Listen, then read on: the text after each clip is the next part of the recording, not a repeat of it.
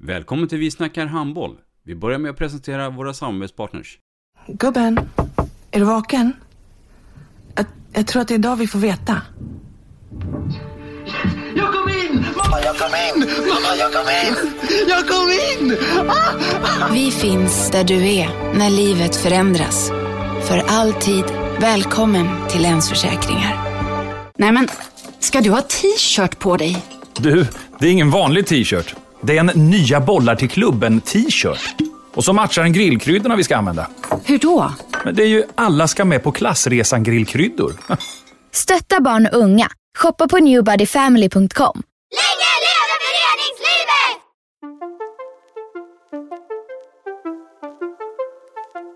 Välkommen säger vi till dig som lyssnar till den nya handbollspodden Vi snackar handboll med Robban Z och Dagge. Vi snackar handboll, där du får veta alla sanningar som du inte visste att du missat. Vi snackar handboll.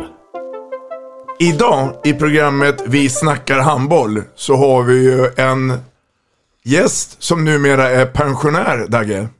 Precis, eh, så är det. Vi har med oss Ralf Lundberg här som har eh, varit, eh, ja jag skulle vilja uttrycka med spindeln i nätet i Svenska Handbollsförbundet under lång, lång tid. Tyvärr pensionerad nu.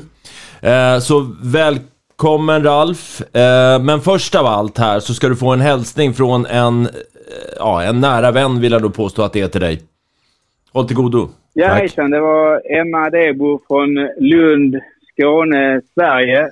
Jag skulle vilja skicka en eh, stor fångst blommor och ros, av rosor till eh, Ralf Lundberg. En eh, handbollens gentleman. Ralf har alltså varit eh, viktig för handbollen i Göteborg och väst i många år. Kom sedermera till Skåne och styrde upp saker och ting här och blev värvad till kontoret i Stockholm för Svenska Handbollförbundet och har varit ovärderlig som tävlingschef i många år. Det fina med Ralf är att eh, hos dig så finns det starka, starka principer om eh, hur saker och ting ska fungera. Men ändå någon form av eh, flexibilitet att lösa saker smidigt efterhand. Den här kombinationen med en stark eh, princip och eh, flexibilitet, den är oslagbar. Och din telefon, Ralf, den har alltid stått öppen dygnet runt för alla handbollsmänniskor i hela detta landet. Vilket är unikt. I modern tid så har jag sett dig i olika tävlingschefsroller i samband med mästerskap och landskamper. Och där utstrålar du alltid ett otroligt lugn och har koll på läget och en stor erfarenhet. Tack för allt vad du har gjort för svensk handboll, Ralf. Du är unik. Ja, hejsan. Det var... Ja du, Ralf Lundberg. Ja. Vem är Ralf Lundberg? Ja, jag måste, ju, man måste ju bara eh, kommentera lite. Eh, det var en överraskning med Emme men eh, eh, ja, han, eh, han summerade väl väldigt mycket av det som jag tror att jag medvetet, omedvetet har eh, haft som, som eh, mitt sätt att eh, jobba med handboll. Och jag tror att min, utan att, att fördjupa oss i det nu, men min breda bakgrund när jag kom till Svenska handbollsförbundet tror jag att eh, eh jag har haft väldigt stor nytta av. Jag har eh, inga eh, samtal, eh, ledare, föräldrar, eh, media som eh, eh, jag ska ta ett citat som jag har haft med mig under alla år. Det finns inga dumma frågor, men däremot så kan man ge dumma svar. Och jag tror att jag har visat respekt för alla som har hört av sig oavsett stort eller smått. Men eh, eh ME, ja det är en överraskning men eh, eh, jag skulle kunna prata nästan likadant om, om ME så att eh, det värmde. Det var, det var ett överraskande namn men eh, jag tog åt mig och jag lovar att och ta det i repris när podden kommer för det var, eh, det var fint. Jag känner mig stolt. Mm. Vad tänker du Dagge när, när du hör hälsningen från Emme? Ja, men alltså det känns äkta, känner jag. Ehm, det handlar om två människor som känner varandra och har samarbetat och jobbat ihop och sådär. Eller jobbat på båda sidor säkert under en lång handbollsgärning sådär. Så att, ehm, men ehm, Ja, det kändes jättefint. Jag, jag känner så här Ralf, jag hör ju på din dialekt att du är ju göteborgare, född göteborgare. Stämmer. Fem, Eh, 50 år gjorde jag ja, det. Och vi kom ju in på liksom den här tidiga karriären så småningom. Men jag tänker, språnget över till Skånes handbollsförbund. Hur, Ja. va, vad, vad, eh, vad berodde det på? Ja, anledningen till att jag eh, hamnade där var att jag, eh, jag kom in, eh, jag vet Bromma nämnde det lite kort så, va, och jag, jag det gärna men jag, eh, jag började, min första anställning på Göteborgs handbollsförbund hade jag, ska jag säga rätt årtal, 1973. Då hade jag gått en tvåårig eh, idrottsledarutbildning. Eh, var med i premiärgruppen där på 20 pers Eh, med alla idrotter och eh, det var elitspelare i fotboll. Eh, jag har varit klasskompis med Ingvar Oldsberg. Han var en av de som gick på kursen och det var gymnaster och motorfolk och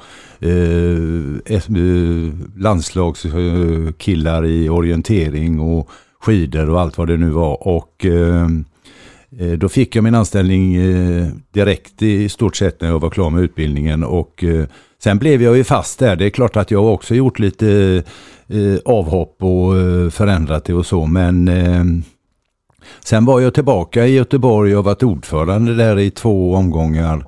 Eh, Kom tillbaka som eh, kanslichef och eh, hamnade i ett läge där jag exempelvis efter ett styrelsemöte gick hem och mådde väldigt dåligt och jag kände att eh, eh, är, det, är det dags för mig att göra något annat? Eller är det så att eh, jag har rätt och de har fel? Men eh, det blev fokus på väldigt mycket fel saker och då kände jag att eh, nej, jag är nog klar med detta. Och eh, i, i samma dag som jag hade Eh, väldigt dramatiskt då när jag blev inkallad till styrelsen och eh, blev eh, arbetsbefriad och eh, åkte hem och eh, dagen efter så eh, eh, skulle vi ha eh, möte med, de hette övergångsnämnden fanns det ju innan eh, vi, vi eh, hittade bättre upplägg nu då med övergångsregler och pengar och allting sånt där. Och eh, då eh, skulle jag luncha med Jörgen Holmqvist och i, i samma veva som vi käkade lunch då så sa han ovetande om vad jag hade tagit för beslut att eh, eh vi behöver hitta en eh, sportchef till eh, Skånes handbollsförbund. Så om du har något bra namn så kan du väl återkomma. Och jag tänkte jag ska inte säga något nu men sen så eh, var det ju en eh, helsida i GT och eh, med det så ringde Jörgen tillbaka och då stämde jag av med lite folk där va, åka till Skåne, liksom riva upp 50 år i Göteborg, kommer, kommer det att funka? Och då var det någon som eh, sa till mig att du eh, finns ingen anledning att tveka på det. Och eh, utan att, att fördjupa mig i det för mycket så var det för mig en väldig utmaning att gå från en storstad och, och administration inom handbollen till att komma till ett distrikt som är väldigt stort geografiskt. Det var liksom inte att ta eh, Kristianstad mot eh, IK Sund eh, pojkar eh, 04 en onsdag kväll klockan sju och sånt där. Va? Det kunde man göra i Göteborg men i Skåne kunde man inte det. Och eh, när jag kom så var föreningarna väldigt, väldigt självständiga på gott och ont. Men eh, det hände ju mycket då när det blev eh, den här eh, datoriserade spelprogram och allting sånt så att eh, jag kan Skåne och eh, eh, blev intervjuad av någon eh, lokal eh, journalist där nere vid något tillfälle. Han frågade vad jag hade för målsättningar och jag sa att eh, eh, ja, ett elitlag i, i huvudstaden Malmö och eh, att de börjar spela handboll med tjejer i Ystad. Det ska jag ha som målsättning. Sen hann jag i och för sig åka därifrån men eh, mina målsättningar slog in. Lite med min hjälp och, och mycket med, med andra. Så Skåne, om, om jag inte hade fått telefonsamtalet från svenska, om jag ska titta i kristallkulan lite, så tror jag att jag hade blivit kvar där. Kanske till jag blev pensionär, men eh, Skåne är ett fantastiskt distrikt att jobba i. Hur många år blev det i Skåne? Det blev ju alldeles för kort. Det blev ju eh, ett och ett halvt år bara. Ja. Så att eh, det var lite sådär med, med, med eh, men det, det, det var väl så att jag, eh, eh, de skapade ju en tjänst på Svenska handbollsförbundet som inte tidigare har funnits. För dom, domarbiten på, på Svenska handbollsförbundet har alltid legat ute någonstans i Sverige med någon före detta domare eller någon som tycker det är kul att jobba och eh, nu gjorde de ett paket av det så att eh, då, då gick flyttlasset dit och det är ju nu då eh, 17 år sedan och sånt där tror jag. Så jag jobbar väl på svenska i 16 år. Jag tänkte vi skulle, vi skulle komma tillbaka lite senare Ja. till tiden med Svenska Hammarförbundet. För det är egentligen där Ralf Lundberg, den kända Ralf Lundberg, eh, finns. Men vi börjar som en liten pojk. Berätta lite grann om, om eh, när du var från mammas mage ut i den stora världen. Ja. Du som var med på mitt kalas förra året när jag fyllde 70, då hade jag ju eh, efter mycket om och men så kom jag på att jag ska ha en, eh, ett tema den kvällen istället för att, att sitta i en fåtölj och träffa massa människor och man kallar det för här i ditt liv så gjorde jag om det lite grann och kallade det för här i mitt liv. Vilket gjorde att jag fick sköta kvällen själv ihop med fantastiskt eh, sällskap. Hade en kväll i Göteborg och en i Stockholm och eh, det var, eh, och med, det så har jag ju lite grann kvar. Va? Jag ska inte köra något bildspel idag men jag hade jobbat väldigt mycket på det och eh, eh om, vi, om vi gör en koppling till eh, jag är född i Lunden nu som ligger eh, Ja, blir väl lite österut i, i Göteborg. Eh, har två äldre syskon och eh, en halvsyster som är några år eh, efter oss andra. Och eh, min första idrottskontakt fick jag när jag gick, eh, jag var nog uppe på någonstans eh, början på högstadiet tror jag, där eh, skolan i gympasalen där hade, hade pingis på eh, kvällarna. Och där hamnade jag och eh, kände väl lite sådär att jag hade lite bollsinne men väldigt tidigt så kände jag att det är nog inte riktigt min idrott utan jag vill nog eh, se mer än en som står på andra sidan där. Så att, eh, och då, eh, då fanns det handboll och eh, fotboll i samma förening. Den hette IF IFO. Eh, är det någon som ska kunna känna igen namnet så ska det vara du i så fall Dagge. Men den, den, det var en eh, liten eh, lokal förening och eh, eh, där, började, där övergick jag från pingis till eh, handboll och eh, jag brukar summera och säga så här att jag spelade ungefär en kvart. Eh, det, var, det var efter det så insåg jag liksom att eh, nej, eh, jag har nog ingen direkt talang för det men eh, då blev det jag blev domare när jag blev fem, när, när jag 15 år gick jag min första domarkurs. Och anledningen till det var att Göteborg hade eh, i den vevan startat upp då för att få det att fungera att föreningarna var tvungna att anmäla till domarutbildning. Så det hoppade jag på och eh, höll på med för länge tycker en del men då är det, den hade, det hade jag med mig i stort sett hela min resa även faktiskt upp till Stockholm och, och dömde lite där. Men eh, sen blev det tränarutbildning. Eh, var en stor dag, jag var nog 18 eller sånt där. Fick en tågbiljett på nattåget till Stockholm. Klev av på Stockholms central första gången i hela mitt liv. Jag stod på, på mark i Stockholm och skulle hitta en buss och åka till Bosön och gick eh, ungdomstränarutbildning med eh, Sigurd Bjärs.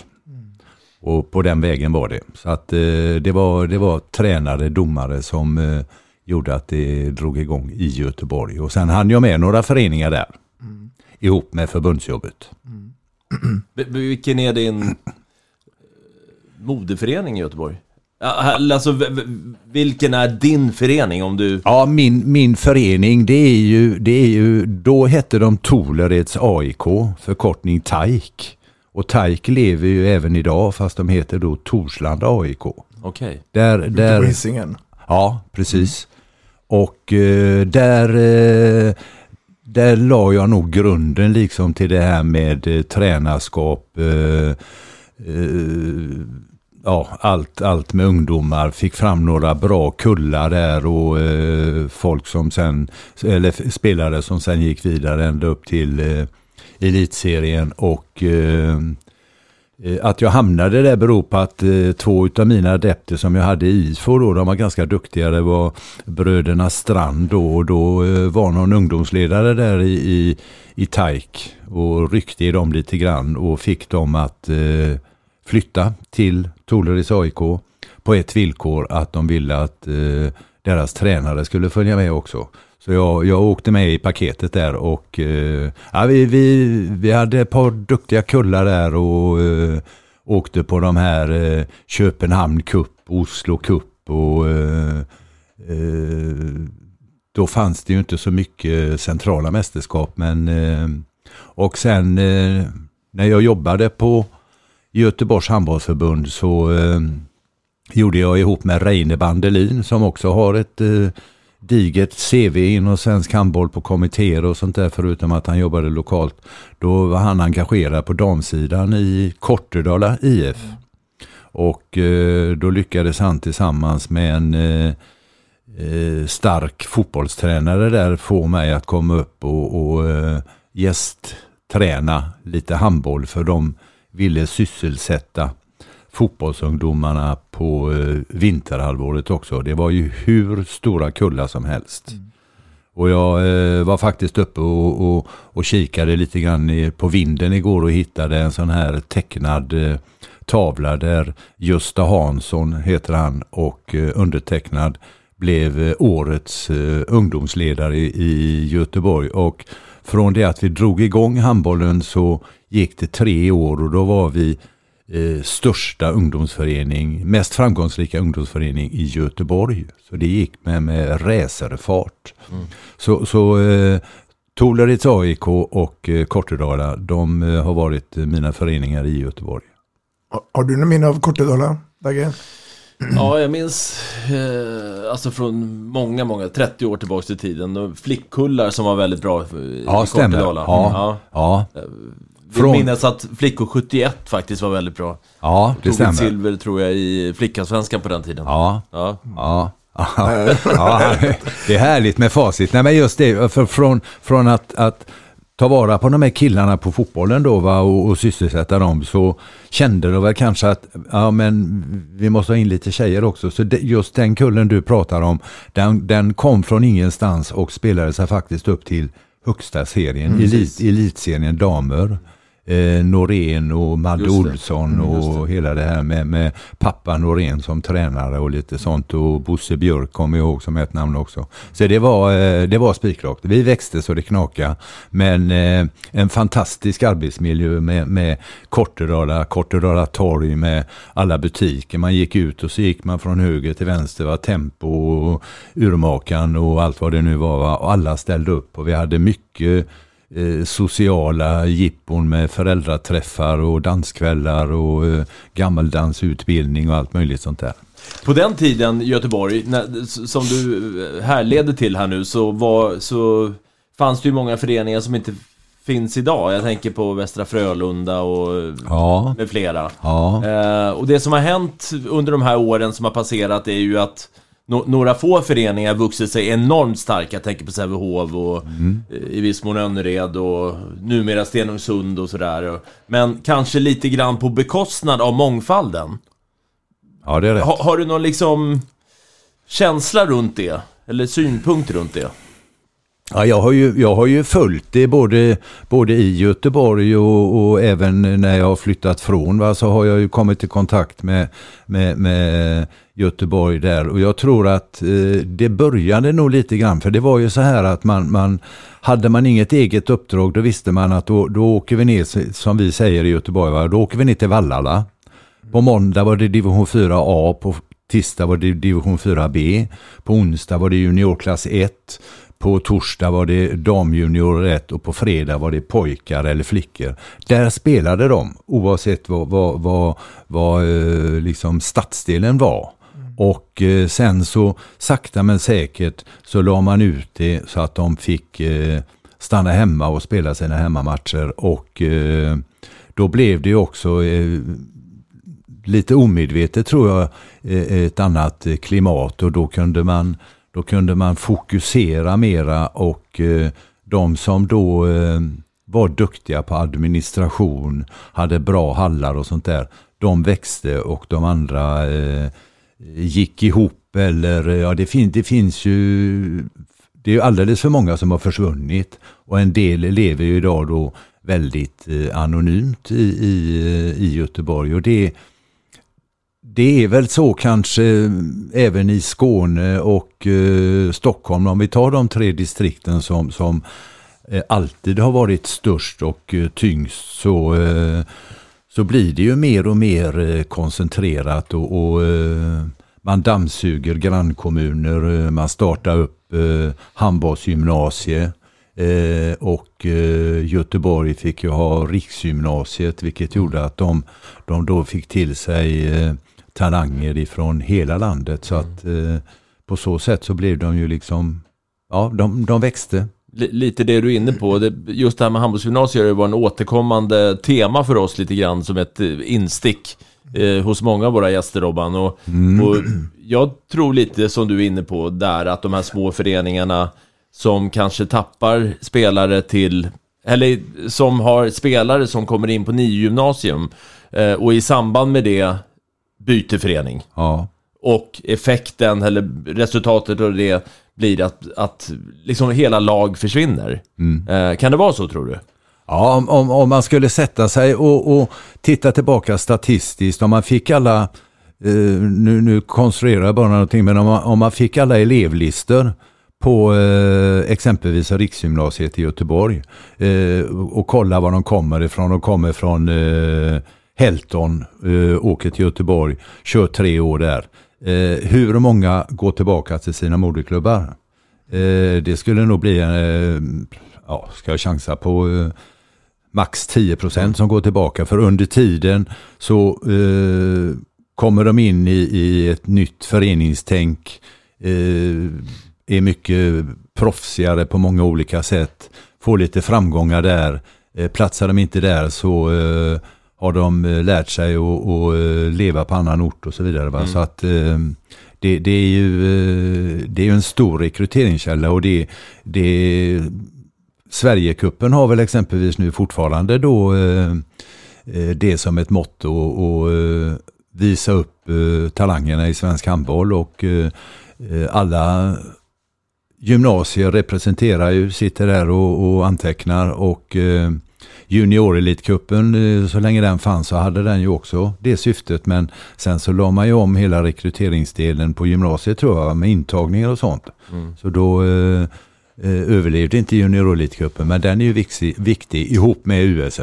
Mm. Så det, det, det är ju eh, och det har ju varit många diskussioner under året va, med, med, med gymnasiedelen men eh, helt klart så fyller den ju en funktion. Men det, det är lite i bakgrunden som du är inne på Dagge så är det ju, eh, är det ju ett sätt då att eh, rycka talangerna från småklubbarna och eh, sen tröttnar de andra kanske och så söker de sig också till någon större klubb. Mm. Det blev ingen riktig domarkarriär, alltså på hög nivå. Och man kan väl säga också att det blev inte någon, någon eh, tränarelitkarriär. Eh, men det kunde ha blivit ett annan sak.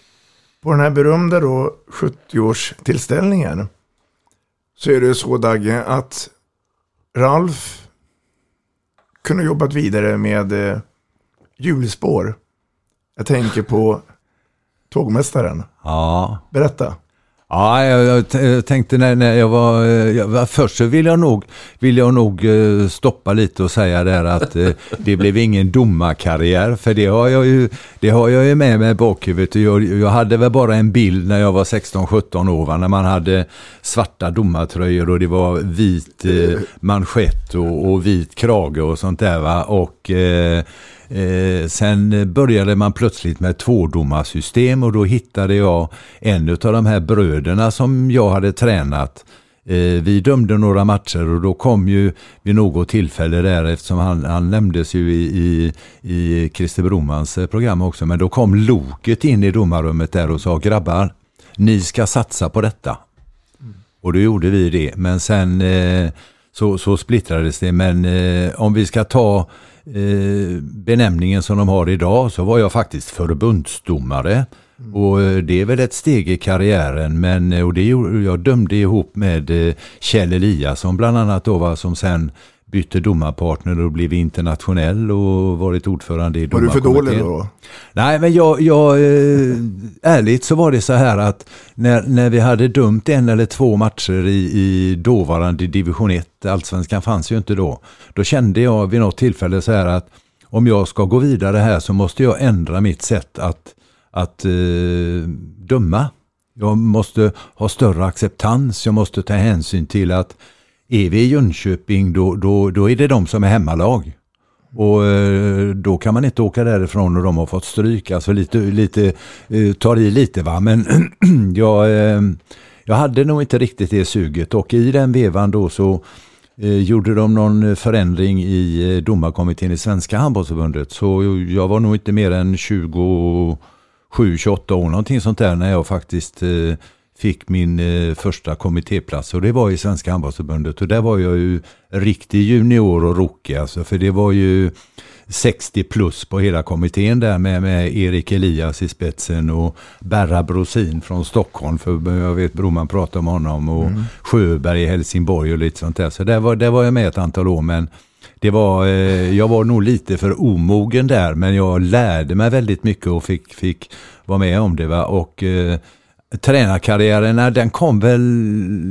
Jag var nog inte så sugen så att jag, jag hade någon målsättning egentligen. Eh, det största jag var med om var väl när, när dåvarande Tolereds AIK, jag vet att vi, vi kvalade mot Heim tre matcher eh, och eh, förlorade sista avgörande där i, i Vallala med, det var väl 900 åskådare och den får ta in 800 någonting. Då fick jag ju faktiskt vara på bänken och coacha där och det var eh, Marciniak och Lindblom och Dona Donna Lindblom och hela det gänget där va. Så att, eh, men eh, nej, sen blev jag nog lite mer pappersnisse tror jag. Mm. Ja, Ja, det, administration. det är härligt att höra Ralf, tycker jag, att du slår Robban lite på fingrarna när han försöker ignorera och underskatta din tränar och domarkarriär. Ja, ja den, den, den, det har jag skrivit med rött här va, missa nu inte detta för det är inte, det är inte så många som, som vet det. Men sen var jag ju kvar genom att jag höll på, på utbildning och sånt va. Men, men eh, sen varvade jag ner lite och i Göteborg så höll jag mig på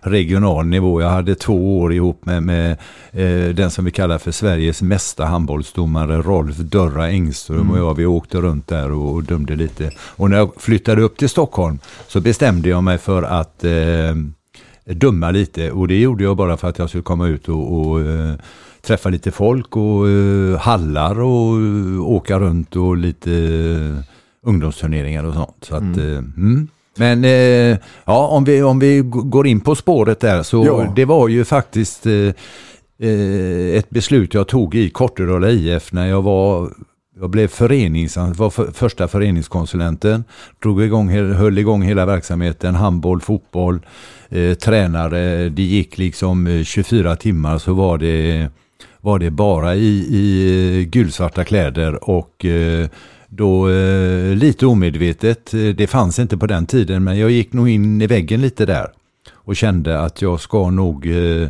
pausa detta och eh, då var flera utav de som jag hade tränat sedan de var eh, småttingar, de hade börjat jobba på SJ.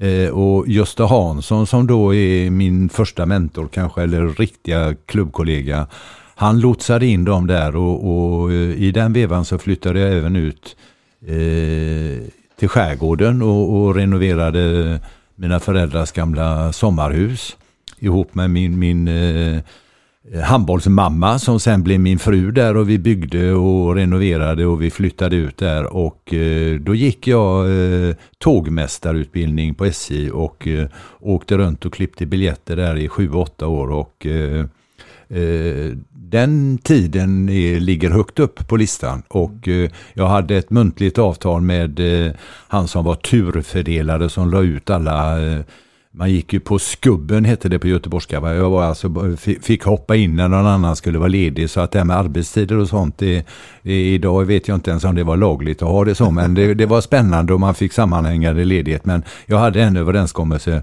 Det var att vecka eh, 27, om det nu heter så, det var alltså Partille Cup-veckan. Den var helig för mig. Mm. Och då gjorde jag spelprogram med papper och penna i början och sen var jag även med om eh, stora förvandlingen från, eh, från eh, penna till dator. Mm. Så då började vi att datorisera. Så att där har jag ju hur många år som helst och pausade där och sen så eh, fortsatte jag när European Open kom. Så där är ju jag och eh, Doru Simeon från Europeiska förbundet. Vi har ju varit där varje år. Och det, sak, det saknar jag nu under corona givetvis. Vi kommer till det. Ja, livet sprang ju vidare. Du hamnade ju då från Göteborg ner till Skåne. Ja. Och du var inne på att det blev ju en ganska kort session. I februari 2003 så får du ett samtal från dåvarande vdn på Svenska Handbollförbundet, Christer Thelin. Ja. I maj månad samma år, 2003, är du anställd Ja. på Svenska Handbollförbundet. Ja. Det är snabba puckar. Nu är vi inne i en tid där det händer mycket hos dig och Handbollförbundet och den stora världen. Nu får du berätta Ralf. Ja, ja eh, Christer Thelin ringde och, och, och presenterade detta och sa att vi, vi eh, ja, han berättade om, om eh, tjänsten där med eh, Eh, på visitkortet stod det ansvarig för tävlings och domarverksamheten. Eh, kollegan på tävling, Anders Edelin, var ju kvar så att jag visste att eh, där, där rullade på och så eh, gör vi någonting bra gemensamt. Men eh, när han ringde så ville jag faktiskt ha betänketid och eh, jag, var, jag var tveksam faktiskt. Inte, inte till tjänsten i sig men jag kände att och då, då ska man ju veta att jag, är, jag har gjort 50 år i Göteborg och därifrån åker jag till Malmö som också är en storstad. Men jag kände att Stockholm, nej.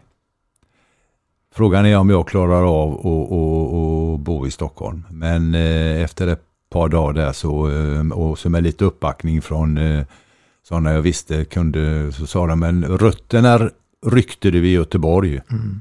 För, och så åkte du till, till Skåne för, för handbollens skull. Eh, och den här frågan den får du inte en gång till. Och eh, då var jag ju insyltad, insyltad mycket med, med kommittéer och sånt där. Va? Så att, eh, ja, där drog det igång. Och, eh, Du var i ja, 50-årsåldern där ungefär då. Ja, ja. Eh, jag hann med från första maj, var det, sa du så? Det var det va? Stämmer det? Ja, ja. Stämmer det? Ja, från maj till årsskiftet då hann jag vara i eh, lokalerna i eh, Farsta. Mm. Och så flyttade vi därifrån till det som vi kall- kallar då för gamla BB eh, vid Östermalm. Östermalm. Mm. Och eh, sen så var jag med även eh, på flytten till nuvarande då nere vid Folksamhuset. Mm. Och din första nära medarbetare var ju då Anders Edelin. Ja. Som tyvärr inte är med oss längre. Han Mm. gick ju bort för x antal år sedan. Men vad sa han då när du kom? Att nu ska inte du Skånepög eh, bestämma här. Utan eh, nu är det vi som bestämmer. Eller hur, hur var den övergången där? För det hände ju också mycket. Ja, det hände mycket och, och, och eh, vi satt ju väldigt nära varandra. Va? Och, alltså, egentligen hade vi nog inte någon, någon fördjupad diskussion och, och gick igenom jobbet utan det rullade bara på och sen eh, Eh, alla de som känner Anders Edelin vet ju då att han, han var ju också väldigt bestämd och, och eh, hade ju sin uppfattning och ibland så fick jag väl efter något telefonsamtal säga att nästa gång eh, när han ringer så, så, så ber jag att han ringer till mig istället och så fick jag liksom pussla ihop det lite. Men det var ju det här gammaldags, du vet med, han jobbar ju med alla övergångar och då skulle man ju fylla i något inbetalningskort och, och eh, eh, det var långa karenser och korta karenser och, och eh, de kom upp fem i tolv och lämnade direkt på, på kontoret med pengar i handen och lite sånt där. Och där hände ju väldigt mycket och den här övergångsnämnden som jag var inne på kom ju ett tag där va och tack och lov så, så kunde vi ju eh, släppa den efter ett antal år. För det var ju eh, det var ju ett konstigt läge i, i svensk handboll, men det var väldigt intressant. Och där, där, där hade ju, eh, vem som nu satt ihop dem, men det var ju en fantastisk samling människor. För de, de, med den kunskapen som var vid det bordet där så, så tycker jag nog att de tog, varför jag säger dem, jo, det, jag var ju faktiskt ledamot i kommittén då för det var Anders som var tjänsteman. Så den startade ju innan jag kom till svenska faktiskt. Mm. Men eh, sen har det ju hänt mycket, ja, helt klart. När vi hör hälsningen från MS så sa han också då att eh, det kunde man få tag på när som helst. Din kollega där, Edelin, när, när klockan var 16, då sa han oftast tack och hej. Och du satt kvar där oftast. Ja, vi slutade väl 16 och 15 men han började väl att avveckla vid 16 för man, han, skulle, han skulle gå på toa först och så komma tillbaka, lång korridor att gå i och sen så knäppte han ihop sin lilla väska och så eh, drog han iväg där och eh, han var ju, ute, var ju ute i Halla väldigt mycket och tittade väldigt mycket på, på handboll, damhandboll och flickhandboll. Det, det var ju hans eh, Men, men den här öppenheten att, ja. att alltid vara till eh, till hands och alltid vara närvarande. Hur har du fått den? Alltså... Jag, när jag sa någonting tidigare där om det med, med, med, min breda kunskap så har jag ju då jobbat, började som föreningsmänniska och därifrån eh, distrikt i Göteborg och Skåne och när jag hamnar på svenska så tror jag att jag omedvetet har legat kvar på en eh, nivå där eh, jag måste svara när de ringer. För det är ju så här att när, när, när vi stämplade ut kvart över fyra en fredag och skulle komma tillbaka på måndag. Det var ju då verksamheten drog igång, alltså lördag, söndag. Det spelades ju eh, USM och eh, pojk och flickallsvenska och allt vad det nu var va? Och, och föreningshandboll. Och eh, om det är så att de eh, exempelvis ringer och säger att nu, nu, nu, eh, nu ska vi spela eh, USM steg 3 med damjuniorer. Eh, och då kommer de och säger att vi får inte använda klister. Då fick de använda klister. Och det var på lördag klockan halv två när jag var ute och, och, och, promenerade. Och då fick jag ju ta i det. Jag kan ju inte säga till dem att ni får ringa mig på måndag. Så att jag har väl... Jag tycker, jag tycker liksom det är för mig så var det en livsstil. Det var det. Jag känner igen den där beskrivningen Ralf eh, och skulle jag beskriva dig på något sätt, nu känner inte jag dig lika väl som Robban kanske, men skulle jag ändå försöka med på en beskrivning så är det att du i din tjänst som tävlingskonsulent varit otroligt tillgänglig. Ja. Eh, jag vet själv, liksom vid många tillfällen när man har varit på något JSM-steg i Skövde och det dykt upp någon tävlingsfråga och sådär och klockan är 21.00 lördag kväll. Eh, vem ringer vi? Jo, vi ringer Ralf som alltid har liksom med ett vänligt bemötande tagit sig tid, förklarat saken och eh, liksom vi har fått hjälp på plats mm. direkt. Mm.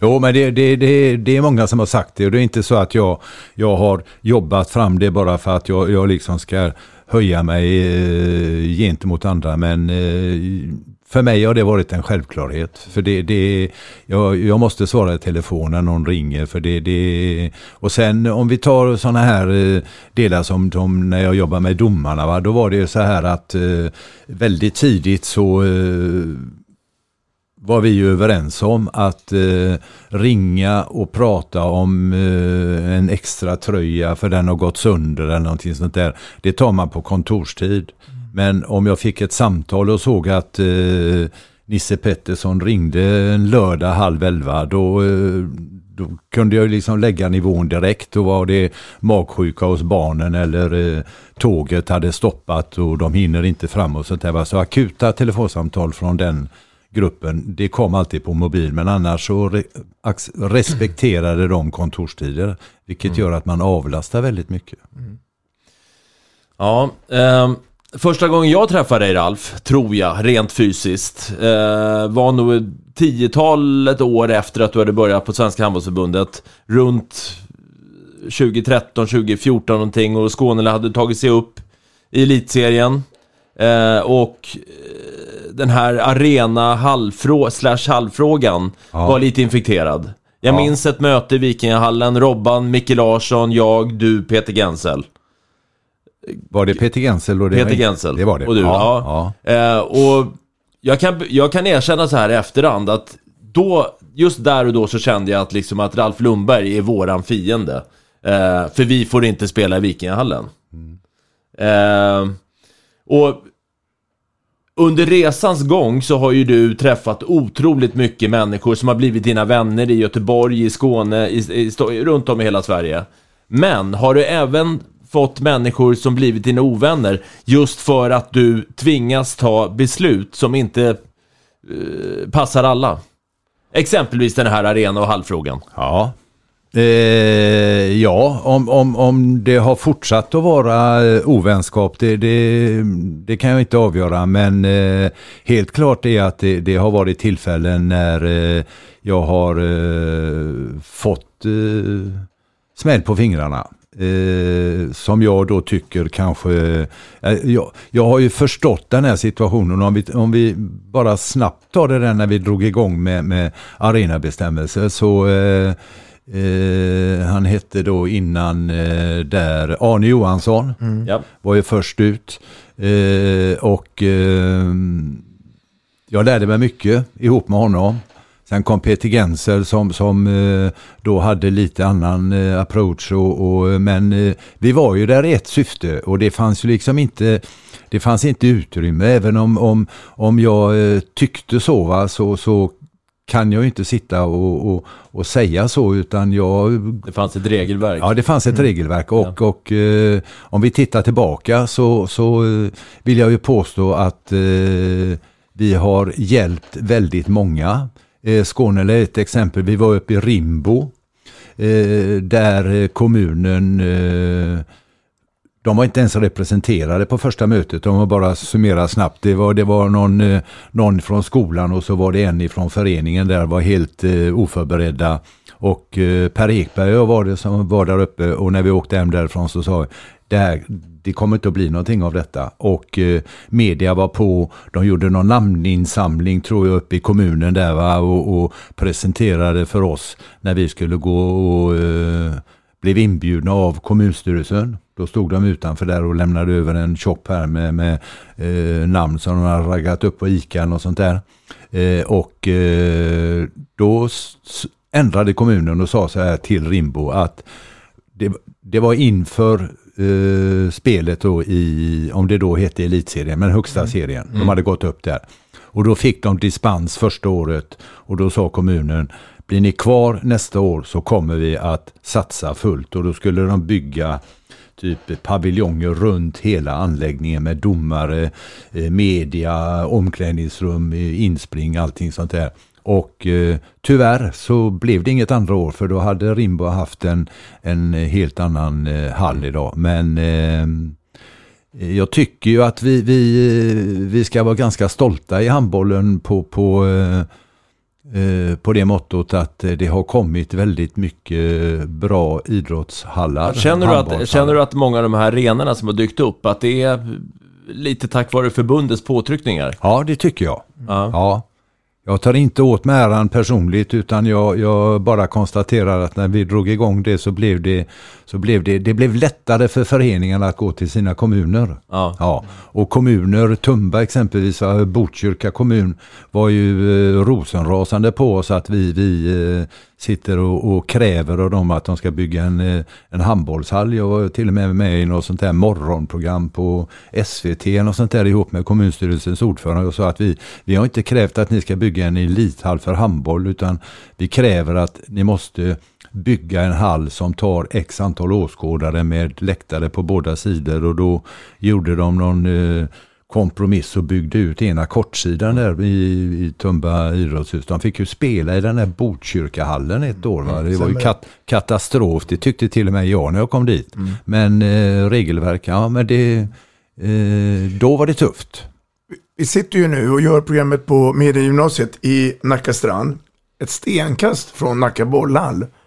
Som jag inte är helt ute nu och eh, jiddrar här. Går på någon form av dispens. Skuru, svenska mästarna. 2021. Hur länge ska de få spela i Nacka bollar tror du? Ja, Som inte håller de arenakraven om, om man nu får... Ja. Ja, där är, i den frågan är jag ju pensionär va. Men, men Ja. eh, det, det, det, det är så här att eh, det har ju inte varit riktigt samma krav på, på eh, herr och dam. Tänkte just komma till det, för Ja. det måste vara olika H, där. Ja. H65 eh, och lite annat sånt va. Jag tror väl Kungälv, eh, Aranäs har ju haft det tufft med sina herrar och, och damerna på väg upp där och, och kärra likadant va. Men eh, eh, sen blev det väl så här i, om vi tar senaste slutspelet på damerna va, så var det ju eh, H65 och Skuru. Då får de ju släppa de hallarna och gå till publikhallar, köpa in sig. Så Skuru fick ju köpa in sig i, i Eriksdalshallen för uh, LED-reklam och Mm. sådana här saker. Men eh, eh, ja, om de spelar på dispens, jag, jag låter det vara osagt. Men eh, det är ju lite, om, om jag tar det rent personligt så tycker jag det är märkligt och eh, jättetråkigt att man, att man inte gör en satsning i, i, eh, i kommunen där va och eh, bygger ut. Mm. Det finns ju en långsida där och bakom den långsidan finns det ju ingenting mer än parkering. Nej. Ett tips bara. Ja. Dagge, i takt med att Ralf eh, var kvar i Hammarförbundet så har ju också Hammarförbundet utvecklats på just det här tävlingsområdet. Och nu tänkte jag komma till ett kärt ämne och det är förändringen och utvecklingen av ungdoms-SM. Ja.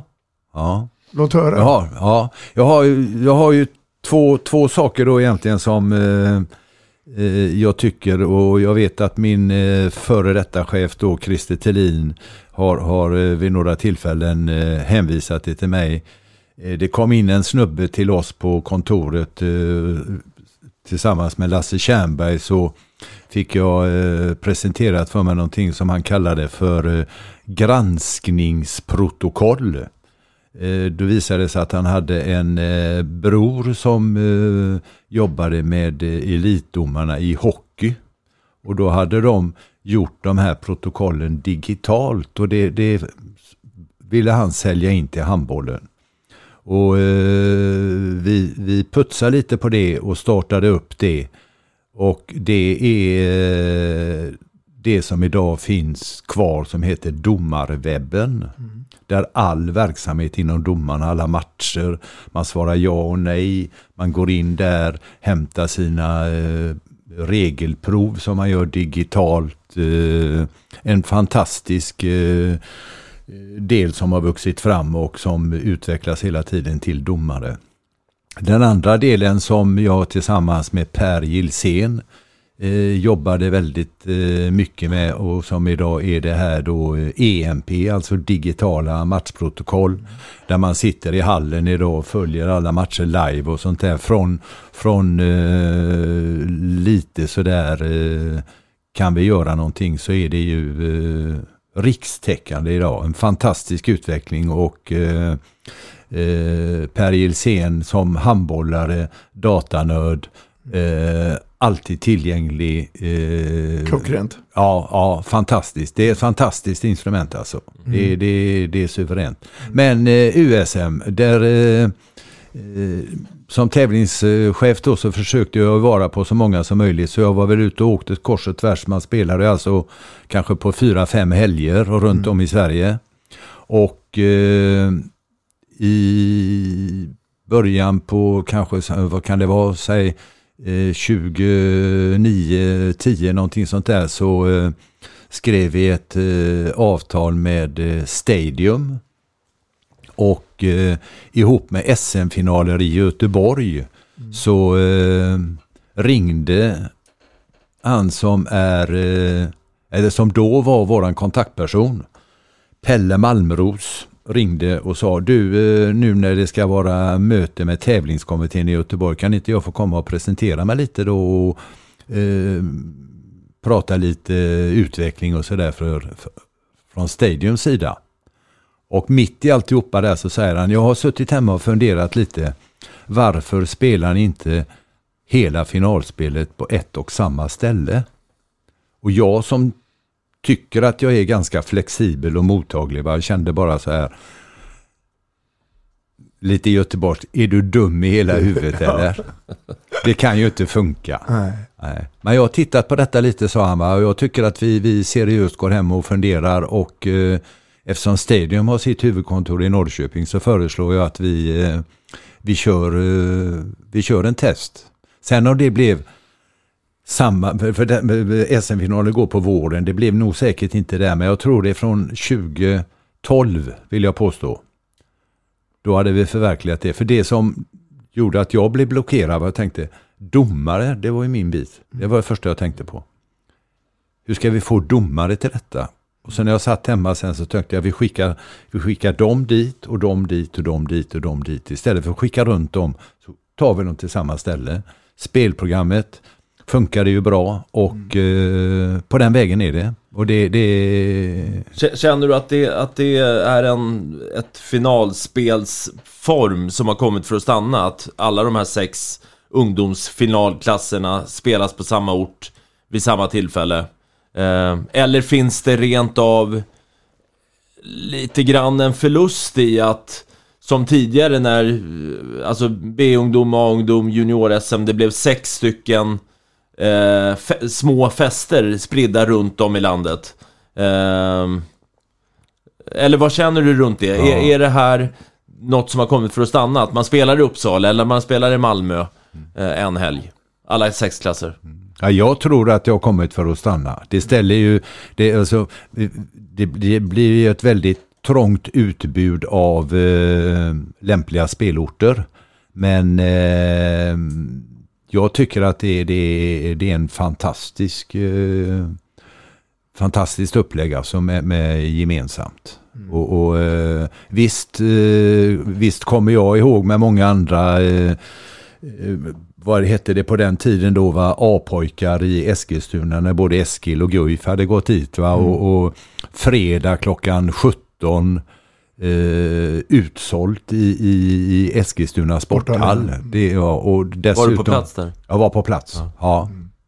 Och, och äh, ja, det är stort. Nej, men jag tror, jag tror att det har kommit för att stanna. Nu, nu eh, är vi ju många som har haft ab abstinens här. Va? Men nu, eh, och jag tror ju att eh, Uppsala har eh, kanske ett, två år som, som de har till godo liksom. Och, och eh, eh IFÖ Arena, när jag klev in där första gången ihop med, med Robban, Kalle Andersson och, och någon från från eh, anläggningen där så det är otroligt. Mm. Helt, helt fantastiskt. För det var ju så att ni, ni eh, USM finalsteget gick ju några år i Norrköping och sen så hamnade i Malmö. Ja, jag, jag, jag är lite uppdaterad. Va? Vi spelade två år i Norrköping. Mm. Sen spelade vi två år i Jönköping. Så var det, förlåt. Ja, det då spelade vi ju lite i idrottshallen och sen så eh, idrottshuset och så byggde de ju upp Elmia. Mm. Och sen så var det meningen två år i Malmö men eh, hittade inget eh, bra alternativ så det blev tre år i Malmö. Och sen har det varit ett år nu då i eh, Uppsala. Mm. Två uppskjutna. Ja. ja. Um, mm, ja, det är kul att höra att du också är flexibel och, och, och det är väl så att man, man går väl in i någon dval om att det här kommer inte funka och så, så får man en helt annan känsla när det väl är igång. Ja. Ungefär samma med Sverigecupen. För det var väl också en process när man lämnade Katrineholm och hamnade sen i Nyköping. Ja. Och jag är ju också ute efter Eh, i takt med det här så har det också blivit mera pengar inblandat. Alltså man söker, förbundet att tjäna pengar på det och hela den här biten. Och det är väl ganska naturligt i dessa tider. Jag tänkte gå vidare lite grann Ralf där, för att eh, det blev ju ganska snabbt också att du jobbar med internationella frågor på Svenska Amförbundet. Jag tänker på övergångar och sådana saker. Och sen kom vi in på det som du började med lite grann, att du jobbade lite grann med European Open i samband med Partille Cup. Ja. Där har ju du fått en enorm massa nya kontakter. Här är jag lite nyfiken på hur, hur du känner att du jobbar med de där sakerna. Med, eh, Du tänker internationella ja, kontakter jag då, tänker eller? European Open, jag tänker på landskamperna. Ja, mästerskap också, EM, VM. Ja. Ehm, ja, det, det, alltså European Open, det är ju liksom en, en turnering ihop med Partille Cup. Eh, De kommer med mm, två tjänstemän från eh, EOF och eh, jag är ju egentligen jag skriver ju avtal med, med eh, Sävehof slash Partille Cup. Mm. Att vara, vara lokalt tävlingsansvarig och med det sköta spelprogrammet. Så att det, det, det är väl en bit, men sen mästerskapen, det, jag vet ju inte hur många jag har hunnit med under åren i olika former så, men de senaste, eh, där har jag ju då fått eh, förtroendet att vara centralt tävlingsansvarig för eh, centrala organisationen och eh, kan väl då eh, avslöja så här eh, eh, eh, Snacka handboll avslöjar att Ralf Lundberg då har eh, fått skriva på eh, avtal för VM 2023. Mm. Eh, så det, jag har redan börjat jobba. Jag har alltså öppnat alla mina mappar från EM 2020, tittat på innehållet och flyttat över dem och eh, eh, då har jag den centrala rollen och då ska jag ju eh, vara med, ha bra kontakt med de lokala, alltså världs, vär, inte världs utan eh, ja, värdstäderna, eh, deras organisationer. Eh, de ska plocka fram tävlingsansvarig som jag ska ha kontakt med och sen eh, rullar vi på. Så att, eh, och det är ju fyra orter i Sverige och det kommer ju att bli ett eh, gigantiskt eh, arrangemang alltså. Och då delar vi ju det med Polen. Så att, eh, ja. Då pratar vi januari. Januari 2023. Ja. Allt EM går i december. Innan du bara säger någonting Dagge, så, så tror jag att det är här kanske nu Dagge får ge sig och, och Ralf är en vinnare. För det är väl det här nu det kommer att nu har vi också arenor. Och vi kan också visa upp det till IOF och IOF att Sverige kan arrangera. Förutom då att de stora, tänker på Globen och Malmö Arena och Scandinavium. Jag ska förtydliga mig lite där, så inte folk tror att Ralf och jag är ovänner. det, tvärtom, vi har gjort många dagsresor till Åland genom åren. Jajamän, ja. Jag, jag, jag känner lite så här Alf, du, du eh, har ju gått i pension men ändå så är du aktiv på något sätt liksom fortsatt eh, med en outtröttlig energi, eh, verkar det som. Eh, men om vi tittar på, mycket fungerar i svensk handboll, eh, det är mycket som är väldigt bra, men om du ändå ska ge dig på ett försök att titta i kristallkulan, eh, vad finns det för förbättringspotential? Eh, och vad ser du för utveckling de närmaste tio åren? Med Ralf Lundberg fort, fortsatt aktiv i och för sig då. Ja, ja min, min, min karriär idag är ju så här att jag har väl fått jag har ju fått förmånen då att, att eh, ha kvar lite grejer. Va? Lite det här eh, plocka russinen ur kakan. Men jag har ju ett eh, löpande avtal med eh, handbollslandslaget. Att när de spelar eh, matcher med, med A-landslagen på hemmaplan så kommer jag med min lilla eh, kontorsväska där och, och eh, är på plats och eh, lite beroende på typ av match så är det ju olika nivåer och det är, det är ju lite guld för mig va, packa väskan, åka hemifrån, eh, komma till handbollsorter där jag eh, träffar mycket handbollsfolk och, och eh, bo på hotell och eh, tuffa fram och tillbaka. Jag var nere i, i Lund nu helgen som var då på det här skandinaviska mästerskapet och eh, dyker upp lite. Men eh, om jag ska svara på det som du undrade då Dagge så jag, eh, jag har väl ingenting direkt så. Jag tycker väl om vi tittar på, på på förbundet och, och kontor och sånt där så, så börjar de ju att- växa lite och det gör de nog med all rätt tycker jag. För eh, det har varit delade tjänster och folk som har haft ma- många olika kombinerade uppdrag och eh, när man sitter eh, lite på, på nålar så eh, är det något annat som måste gå för och sådär så att eh, eh jag känner nog att det, det eh,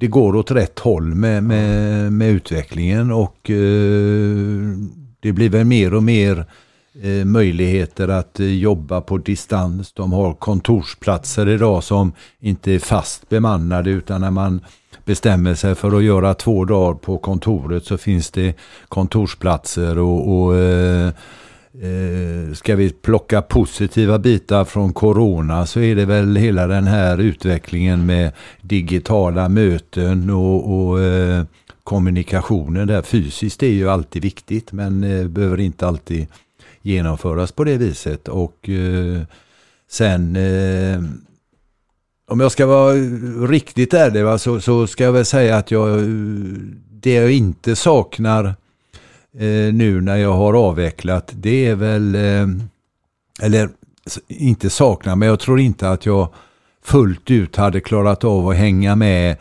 på det här upplägget då med, nu går jag in på en liten känslig bit, det här med TBBU, alltså tävlingsbestämmelser för barn och ungdom. Mm. Jag är i den eh, åldersklassen som tycker att eh, när man spelar en eh, handbollsmatch på 2 gånger 15 minuter, då är det ett lag som vinner och ett som förlorar. Mm. Men, eh, och, och eh, det är att sticka ut lite, va? men det, det, det känns lite konstigt. och, och eh, eh, liksom avsiktligt hämma eh, känslan av att eh, spela och göra fler mål än motståndarna. Ja, idrott handlar ju om att tävla. Ja, mm. en del tävlar mot sig själva, va? typ ja. Eh, Duplantis då som mm. smyger en centimeter då och då, andra ska springa först till mållinjen och eh, handbollslaget ska göra ett mål mer än motståndarna. Apropå det, jag hörde, som ett litet instick, jag hörde en eh, intervju med, med Sara Sjöström som sa att eh, hade jag inte fått tävla som simmare när jag började simma vid 7-8 års ålder mm. så hade jag aldrig fortsatt. Nej. Så att jag, jag, jag, jag håller med dig fullständigt. Ja. Mm. Ja, det, finns, det, det, det, finns, det, finns alltid, det finns många olika sidor, va? men, men eh, jag kände väl kanske i, i, i slutet då på, på, eh, på den delen med, med tävlingskommittén att det, det, det tog väldigt mycket eh, tid, fokus och eh, ibland så eh, fick jag nog hålla igen lite. va Men eh, eh som en liten skröna när, när, när det var uppe på 70-talet om uh, det här med tävling. Va? Då, då min gamla kollega Reine sa så här att jag har en jättebra lösning. Vi, vi, vi spelar på en, uh, en rund plan utan mål. Så kan mm. alla springa omkring där. Det, för det, det, det är det ni är ute efter och sen så lade det sig. Men uh, jag ska inte, ska inte förstora och inte förringa det men jag hade lite svårt att, att ta till mig det faktiskt. Mm. Du ska få sista minuterna här av oss, mm. mig och Dagge, att få berätta lite grann, några viktiga personer i din handbollsresa. Som du ja. får berätta. Så jag lämnar över ordet till dig. ja, eh, alltså, när jag började i Göteborg så eh, Eh, då, då, hade vi vårt eh, kansli i Vallala sporthall och i huset bredvid ihop med Skandinavium eh, hade socialförvaltningen sitt stora kontor och en av cheferna där eh, var också eh, ordförande i Göteborgs handbollsförbund. Han heter Åke Nilsson, hette Åke Nilsson, gick bort för ett antal år sedan. Stor inom svensk handboll på damsidan med överledare och kanske förbundskapten och sånt där. Eh, han han la grunden till väldigt mycket av eh, mitt sätt att eh, komma vidare sen. Det var just exempelvis det här med, med eh, inga dumma frågor, eh, ska inte ha några dumma svar och lite sånt där. Och eh, eh, betydde väldigt mycket. Eh, första Eh, föreningen eh, Tolereds AIK hade en ordförande som hette Lennart Forsman. Man kunde ställa klockan efter honom. För lördag klockan nio, då ringde han alltid. Eh, även om vi inte hade något så, så pratade vi lite.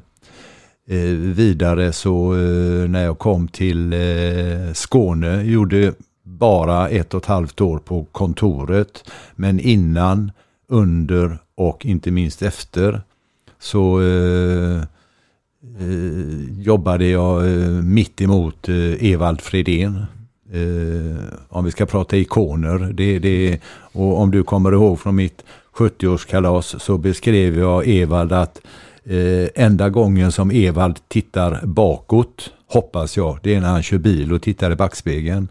Men eh, fyllda 90 och eh, fortfarande en eh, framåtsträvare, liksom titta framåt hela tiden. Och eh, eh jag har mycket, mycket eh, att tacka Evald för liksom med, med, med sitt sätt att tänka och, och, eh, och vara. Sen eh, idag är det ju eh, pensionärskompisar och det är dagliga samtal eh, minst ett runt nio på morgonen då till eh, kompisen Christer Broman och eh, sen hinner vi väl med två, tre och när det spelas matcher på tv så är det hissa dissa på sms då och vi tycker om saker och ting och eh, socialt i, i Stockholm så är det ju eh, Janne Wigren och jag då som, som är eh, Goa gubbar. Goa gubbar som, som hissar och dissar och, och käkar och sådär. Blir det något matchfunktionärsuppdrag? MI? Ja, jag har ju, jag har ju kvar eh, delegatdelen har jag. Jag ska hem idag då och göra eh, digitala regelprovet. Ska vara inne senast imorgon.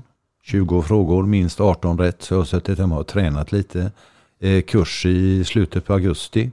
Eh, jag är mentor. Jag har i alla fall två par klara som jag eh, följer. Och det, alltså att, att vara mentor, då är man ju liksom lite mer eh, fördjupad med dem. Va? Och eh, eh, mellan matcher och är det så att eh, de dömer på eh, annan ort så eh, har vi ju eh, Simor och eh, Solid och sånt där och eh, försöker, gå, går väl inte in och, och peta så mycket på regler utan det är mycket sånt där med döma smart och eh, lägga nivåer och eh, mycket sånt. Det, det, det är jättekul att eh, 70 plus får vara med och, och, och jobba på eh, par som jag behöver inte nämna vilka det är, för det, det, det, alla, alla domare egentligen på, på högre nivån har ju mentorer och, och jag tycker att det är kul. Mm. Jag har en avslutande bara, sådär som, som känns intressant åtminstone för mig. Eh, du, du har ju en enorm insikt om hela handbolls-Sverige och alla dess föreningar. Eh, finns det någon förening sådär som du skulle kunna säga att den, det här är en föregångarförening. Den här borde alla andra föreningar försöka eh, på något sätt efterlikna. Nu när du är pensionär menar jag. Det är inte ja, så känsligt. Nej, nej, jag nej men det, det, det, det, är ju, det är ju lätt att hamna då på, eh, om jag ska ta Göteborg igen då, va, med, med Sävehof, eh, Önnered och så åker vi ner till Skåne. Då eh, kanske man hamnar i eh, Ystad och eh, i Stockholm eh, några stora föreningar. Eh, en som håller på att sticka upp lite i, i Stockholm då får vi se var, var det hamnar. Det är väl Huddinge som då eh, satsar otroligt. Bolton följde jag ju ganska mycket eh, med, med Lundgren där när de blev lite mer eh, etablerade och eh, sen finns det ju runt om i, i landet. Nej, jag, jag hittar nog inget eh, första val för det är så, det är så eh, vi pratade ju om det tidigare, det är så olika förutsättningar. Mm. Är, man, är, man, är man bäst för att man är störst eller är man, man, man får inte glömma de här föreningarna som, som eh, eh gör, kan göra mycket av ingenting. Och eh, de finns ju kvar va, så att eh, det har, det har ju varit eh, väldigt, eh, väldigt blandat faktiskt. Så att mm. jag, jag, jag fegar inte men jag, nej, jag har ingen... Eh, för tio år sedan hade det varit lite annorlunda tror jag. Mm. Men idag så är det, är det så, så många olika faktorer som spelar in. Mm. Ralf Lundberg, tiden är ute. Okej. Okay. Tack så mycket för din medverkan i programmet Vi snackar handboll. Ja, tack. Tack så jättemycket. Tack så mycket för att jag fick komma. Vi snackar handboll, där du får veta alla sanningar som du inte visste att du missat. Vi snackar handboll.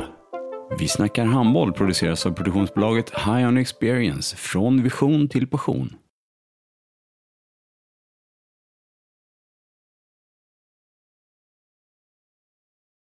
Ett avslutande tack till våra samarbetspartners. Hallå!